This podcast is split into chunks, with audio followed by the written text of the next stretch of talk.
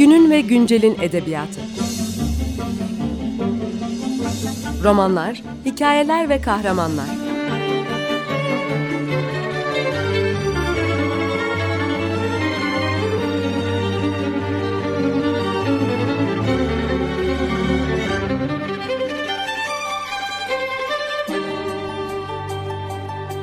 Hazırlayan ve sunan Seval Şahin.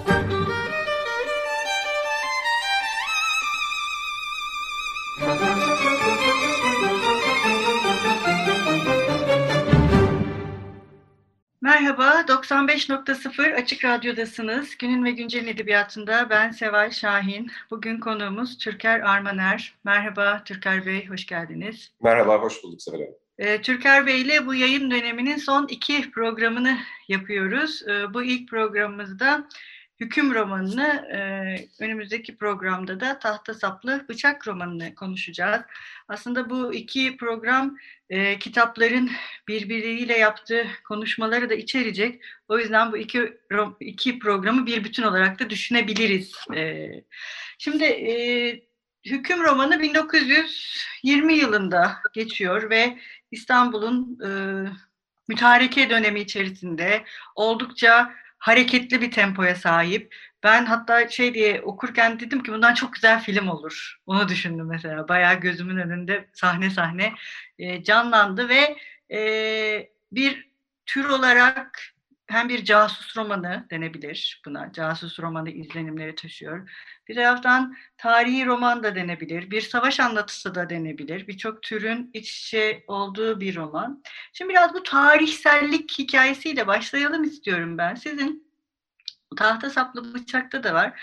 Yani geçmişe ait dönemi anlatırken e, kullandığınız bir takım yazar türkleri ve teknikler mi diyelim onlara? Olabilir evet bazı Bunu e, bunlar böyle e, nesneler, gazeteler, gazete haberleri, seyredilen e, filmler böyle bir çentik atarak tarihe.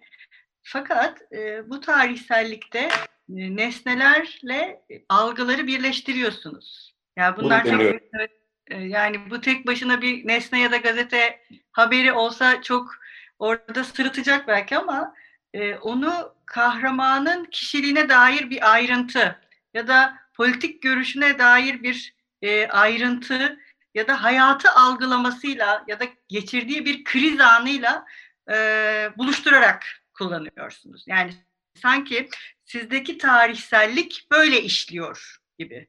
E, bu mesela birey ve tarihi e, anlatmanın edebiyattaki yolu ancak bunları bu şekilde buluşturmakla mı mümkün? Ve sizin için tarihsellik edebiyatta böyle bir şey mi? Benim denediğim sizin de çok nazik ve güzel şekilde ifade ettiğiniz gibi bireyin yani bir roman söz konusu olduğunda kahramanın hangi tarih kesitindeyse işte hükümde 1920'de tekil bireyin ya da bireylerin algılarının nasıl olabileceğini romanda temsil etmek ki açıkçası hani bu sadece benim yaptığım bir şey değil. Sizin benden profesyonel olarak çok daha iyi bildiğiniz edebiyatta, Türk edebiyatı, Türkçe edebiyatta ve yabancı edeb dildeki edebiyatta kullanılan e, bir teknik. E, başka şekillerde de tabii anlatılabilir. Fakat e, kişisel olarak maddi tarih benim hep çok ilgimi çekmiştir. Yani küçük e, ayrıntılar ve sizin de belirtmiş olduğunuz gibi nesneler. Yani kahramanların nesnelerle ilişkileri, e, gördükleri sokakta herhangi bir, bir tanımadıkları biri ya da herhangi bir nesne, bir sokak lambası, masasının üzerindeki küçük bir e, ayrıntı, e, dinlediği müzikler, e, işte dönem neyse ona göre izlediği filmler. Bu aynı zamanda o algıların nasıl romanda kendisine yer bulacağı ile ilgili. Yani ben bu şekilde e, yazmayı tercih ediyorum ama başka onlarca, yüzlerce teknik var tabii tarihselliği yazmak.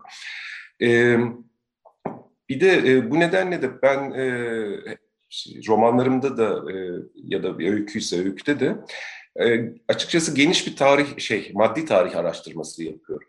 Yani o dönem e, ne kullanılıyor, e, her konuda ne kullanılıyor. Yani e, tabak çanaktan e, işte bu hüküm söz konusu olduğu için e, silahlara, hangi tür silahların kullanıldığı, e, ne tür giysilerin tercih edildiği, e, evlerde nasıl bir dekorasyonun olduğu, dolayısıyla da nasıl bir e, e, o tarihsel kesitte e, nasıl bir e, geniş anlamda hayat e, sürüldüğü. Yani e, şimdi bu Covid nedeniyle tabii çok fazla evlerimizle iç içeyiz ama onun salgının olmadığı zamanı düşünürsek aslında e, bulunduğumuz yerlerdeki en azından ben kendi adıma konuşayım e, günlük hayattaki nesneleri artık çok fazla fazla fark etmemeye başlıyoruz. E, şimdi fazlaca fark ediyoruz ne yazık ki ama normalde fazla yani salgın haricinde olağan koşullarda fazla fark etmiyoruz. Çünkü dışarıyla,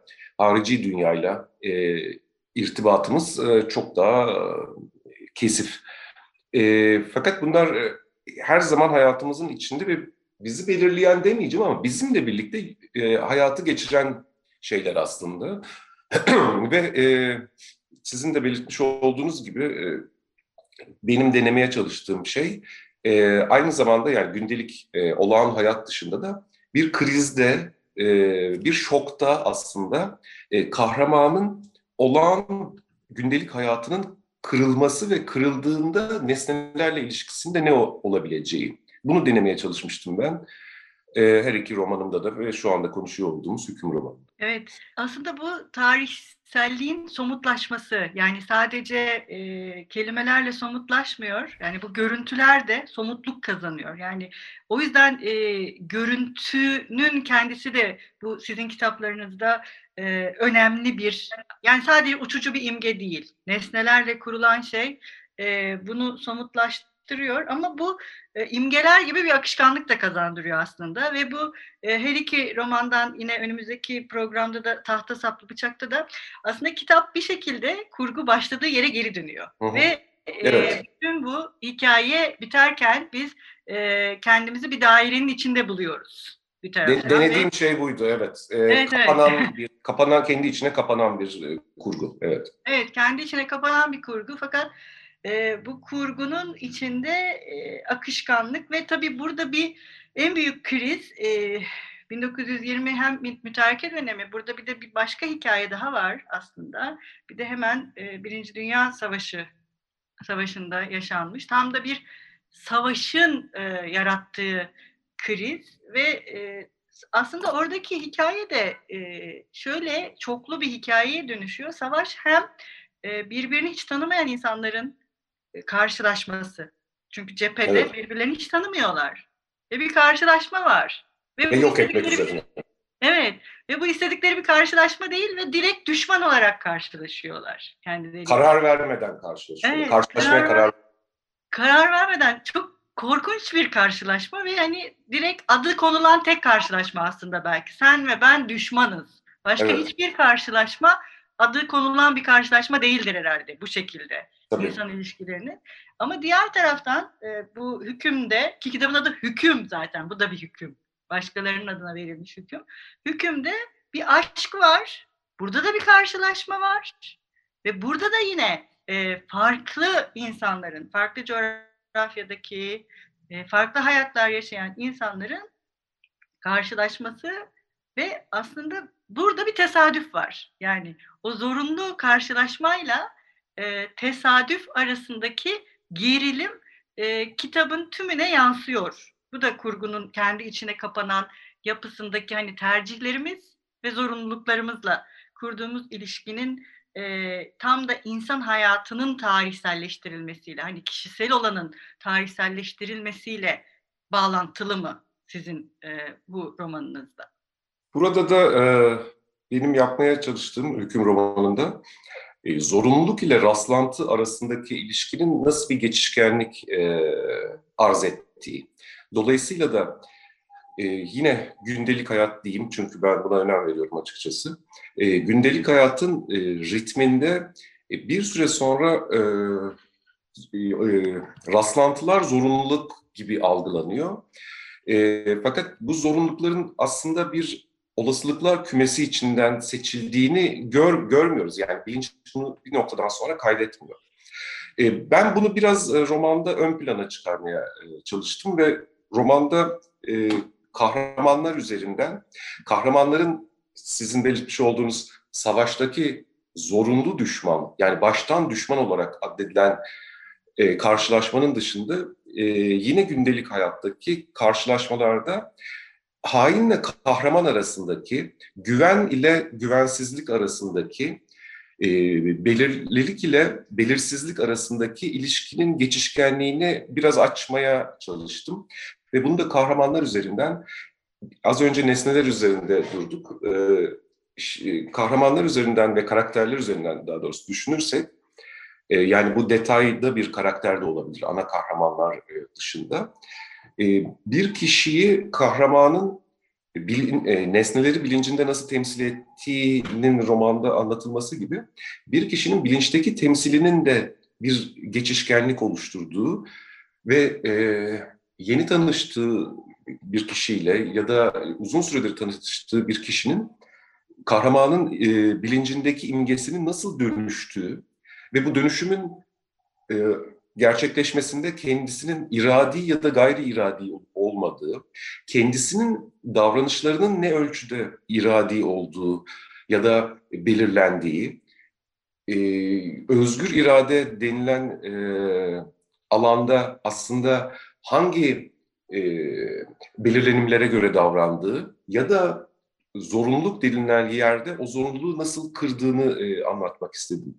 O nedenle e, aslında ben ben ben bunları anlatmak istedim romanda. 1920 İstanbul'u tabii bunun için olağanüstü bir e, imkan sağlıyor. Yani o imkanın üzerine yani anlatmak istedim. Yoksa bir mütareke e, İstanbul'unu anlatan çok fazla e, roman var. E, ben onun bir imkan olabileceğini düşündüm. Çünkü herkesin bildiği gibi e, olağanüstü bir kriz dönemi zaten e, savaş sonrası.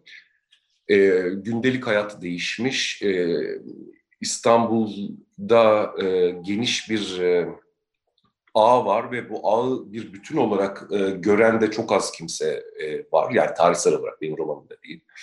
Dolayısıyla da temposu yüksek bir e, dönem. Evet. Bu nedenle ben o dönemi seçtim açıkçası. Evet, evet. o yüzden gerçekten şey o yüksek tempo okurken de e, yani benim okuma şeyimi de etkiledi. Onu Buna memnun oldum profesyonel okuyucu. bir ara verelim Türker Bey. E, ne Tabii. çalalım bugün ne istersiniz? Hükümle dolaylı bir alantısı var ama e, benim sevdiğim Jan Garbarek'in versiyonu Asta Siempre. Belki onu biraz çalabiliriz. Merhaba, 95.0 Açık Radyo'dasınız. Günün ve Güncel'in edebiyatında ben Seval Şahin. E, programımızda Türker Armaner'le Hüküm romanını konuşmaya devam ediyoruz. İlk bölümde romandaki tarihselleştirme, gündelik hayat, nesneler, algılar ve bunların tarihselleştirme ve birey arasındaki ilişkiye değindik. E, burada biraz bu tarihselleştirme ve e, savaş anlatılarına devam etmek istiyorum ben. Çünkü bu e, ilk bölümde de konuştuğumuz gibi 1920'de Mütareke İstanbul'unda geçen bir roman ama e, çok da alışık olduğumuz bir mütareke romanı değil bir taraftan. E, önce şunu sorayım, siz buna bir mütareke romanı der misiniz? E, açıkçası ben K yazarı olarak romanın dememeyi tercih ederim. E, çünkü e, mütareke anlatan çok başka Türkiye'de romanlar var. İşte Mesela Kemal Tahir'in Esir Şehrin insanları var. Ee, başka anlatılar var. Ee, mütareke dönemi İstanbul'a dair. Ben mütareke dönemi İstanbul demeyi tercih ederim aslında. Ee, bunu daha çok e, daha jenerik anlamda mütareke yani her yerde olabilecek bir mütareke e, anlatmaya çalıştım. Yani bir hangi taraflar arasında oluyor mütareke? Eşit taraflar arasında mı oluyor yoksa e, çeşitli e, maddeleri diyeyim, çeşitli e, yaklaşımları dayatan karşı tarafa bir, eş bir mütareke mi oluyor? Kim yapıyor mütarekeyi?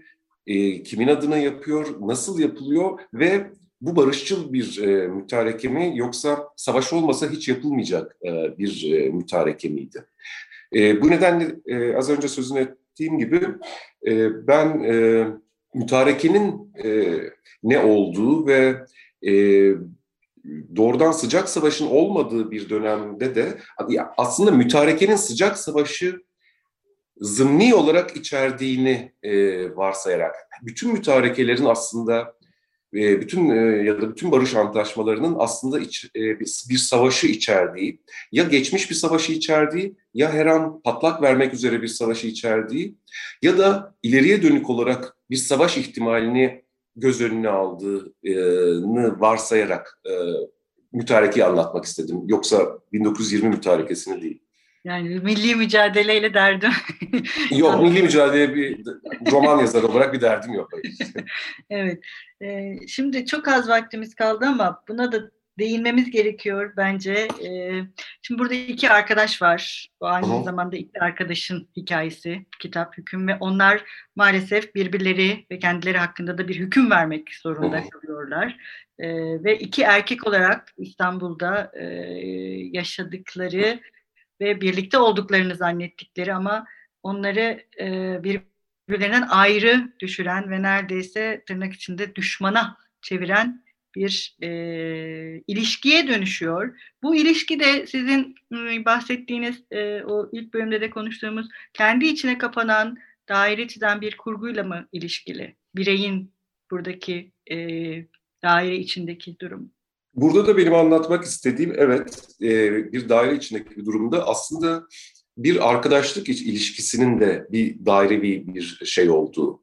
E, birbirlerine dair e, imgeleri kırıldığında o müzikten önceki bölümde konuşmuş olduğumuz gibi e, birbirlerinin birinin bilincinde diğerinin imgesi kırıldığında onun herhangi bir şekilde bir önceki geçmişteki o imgenin dönüşmemiş halindeki gibi hatırlanmayacağı. Dolayısıyla herhangi bir arkadaşlık ilişkisinde de burada da evet e, benzer ailelerden, zümrelerden, e, benzer ailelerden gelmiş, benzer aynı zümreye mensup diyebileceğimiz iki e, erkeğin dostluğunun nasıl kırılabileceğini bu bir e, savaş nedeniyle olabilir, romandaki gibi hayali bir teşkilat yoluyla olabilir, başka bir ilişki nedeniyle olabilir. Ama bir şekilde arkadaşlık kırıldığında aslında o daire kapanmıyor.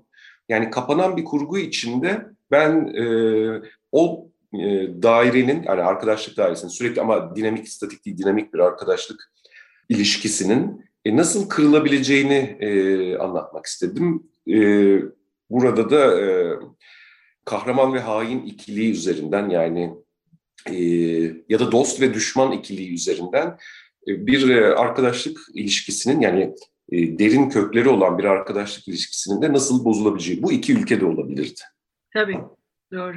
Evet, Türker Bey'e çok teşekkür ederiz. Hüküm romanından sizin okuduğunuz bir bölümle bugünkü programımızı bitireceğiz. Haftaya Türker Armaner'le başka bir romanı Tahta Saplı Bıçağı konuşacağız. Evet, e, hoşçakalın. Görüşmek üzere. Türker Bey sizinle veda ediyoruz okurlarımıza. Buyurun. Çok teşekkür ederim. Silvia ile babası hem Nelson'a hem de kimliklerini saklayarak Senita çalışıyordu. Şimdi de hain damgasıyla yurt dışına gönderiliyorum. Yine onlar yoluyla. Hain addedilip ölmek ya da bu damgayla ailemle birlikte bir süre daha yaşamak. Teşkilattan öğrenmişsindir. Hakkımda yazılan, ihtilaf teşkil eden raporlar var. Bir kısmı hariç ben bu muhtelif raporların hepsinin bütünüyüm. Tıpkı teşkilat gibi, tıpkı hem Bolşevik aleyhtarı olup hem de hükümeti zayıflatmak için amele eylemlerine destek veren İngilizler gibi, Bolşevik lehtarı olmayıp onlardan destek alan milliyetçiler gibi ve tıpkı senin gibi. Herkes her zaman kendisinin tutarsızlığını insani bir durum olarak görür ve kendisi dışındaki yeryüzünün tümüyle tutarlı olmasını bekler. Gerçek adı neyse Ömer'e yalan söylerken haklı nedenlerin olduğunu düşünüyordum. Ama ondan daima mutlak dürüstlük, en ufak şüpheni bile uyandırmayacak bir doğruluk bekledim. Savaşlar da öyle. Gözünü açıp bunu olsun görebiliyor musun? Bittikten sonra barış dedikleri şey hep var kalanın savaşta yaptıklarını meşrulaştırması, yok olanın da üstünün örtülmesi, hiç var olmamış addedilmesi değil mi? İhanet ile kahramanlığın sınırı nedir Halil? Vatanseverliğin ve vatan hainliğin. Sınırları biçim değiştirir, şekilden şekle giren bir yaratık olur, kendi içine kapanır, boğar, Sınırın her iki tarafındakiler her biçimi kabullenir. Herkesin herkesle işbirliğine gittiği zaman aralıklarında hangisinin ihanet olduğunu ancak bu aralıkta kendine yer bulanlar söyler. Aşağıdan kapıyı açan Saliha Hanım'ın sesi geldi. Seyit silahı tutan elini indirdi yavaşça. Halil, Ömer'i öldürmekle bu isminden kurtulacağını mı sandın? ya da beni öldürmekle. Biz iki gün sonra gidiyoruz bu ülkeden. Sen de eski ismine dön. Sana gerçek isminle hitap edecek birine kaldıysa tabii. Günün ve güncelin edebiyatı. Romanlar, hikayeler ve kahramanlar.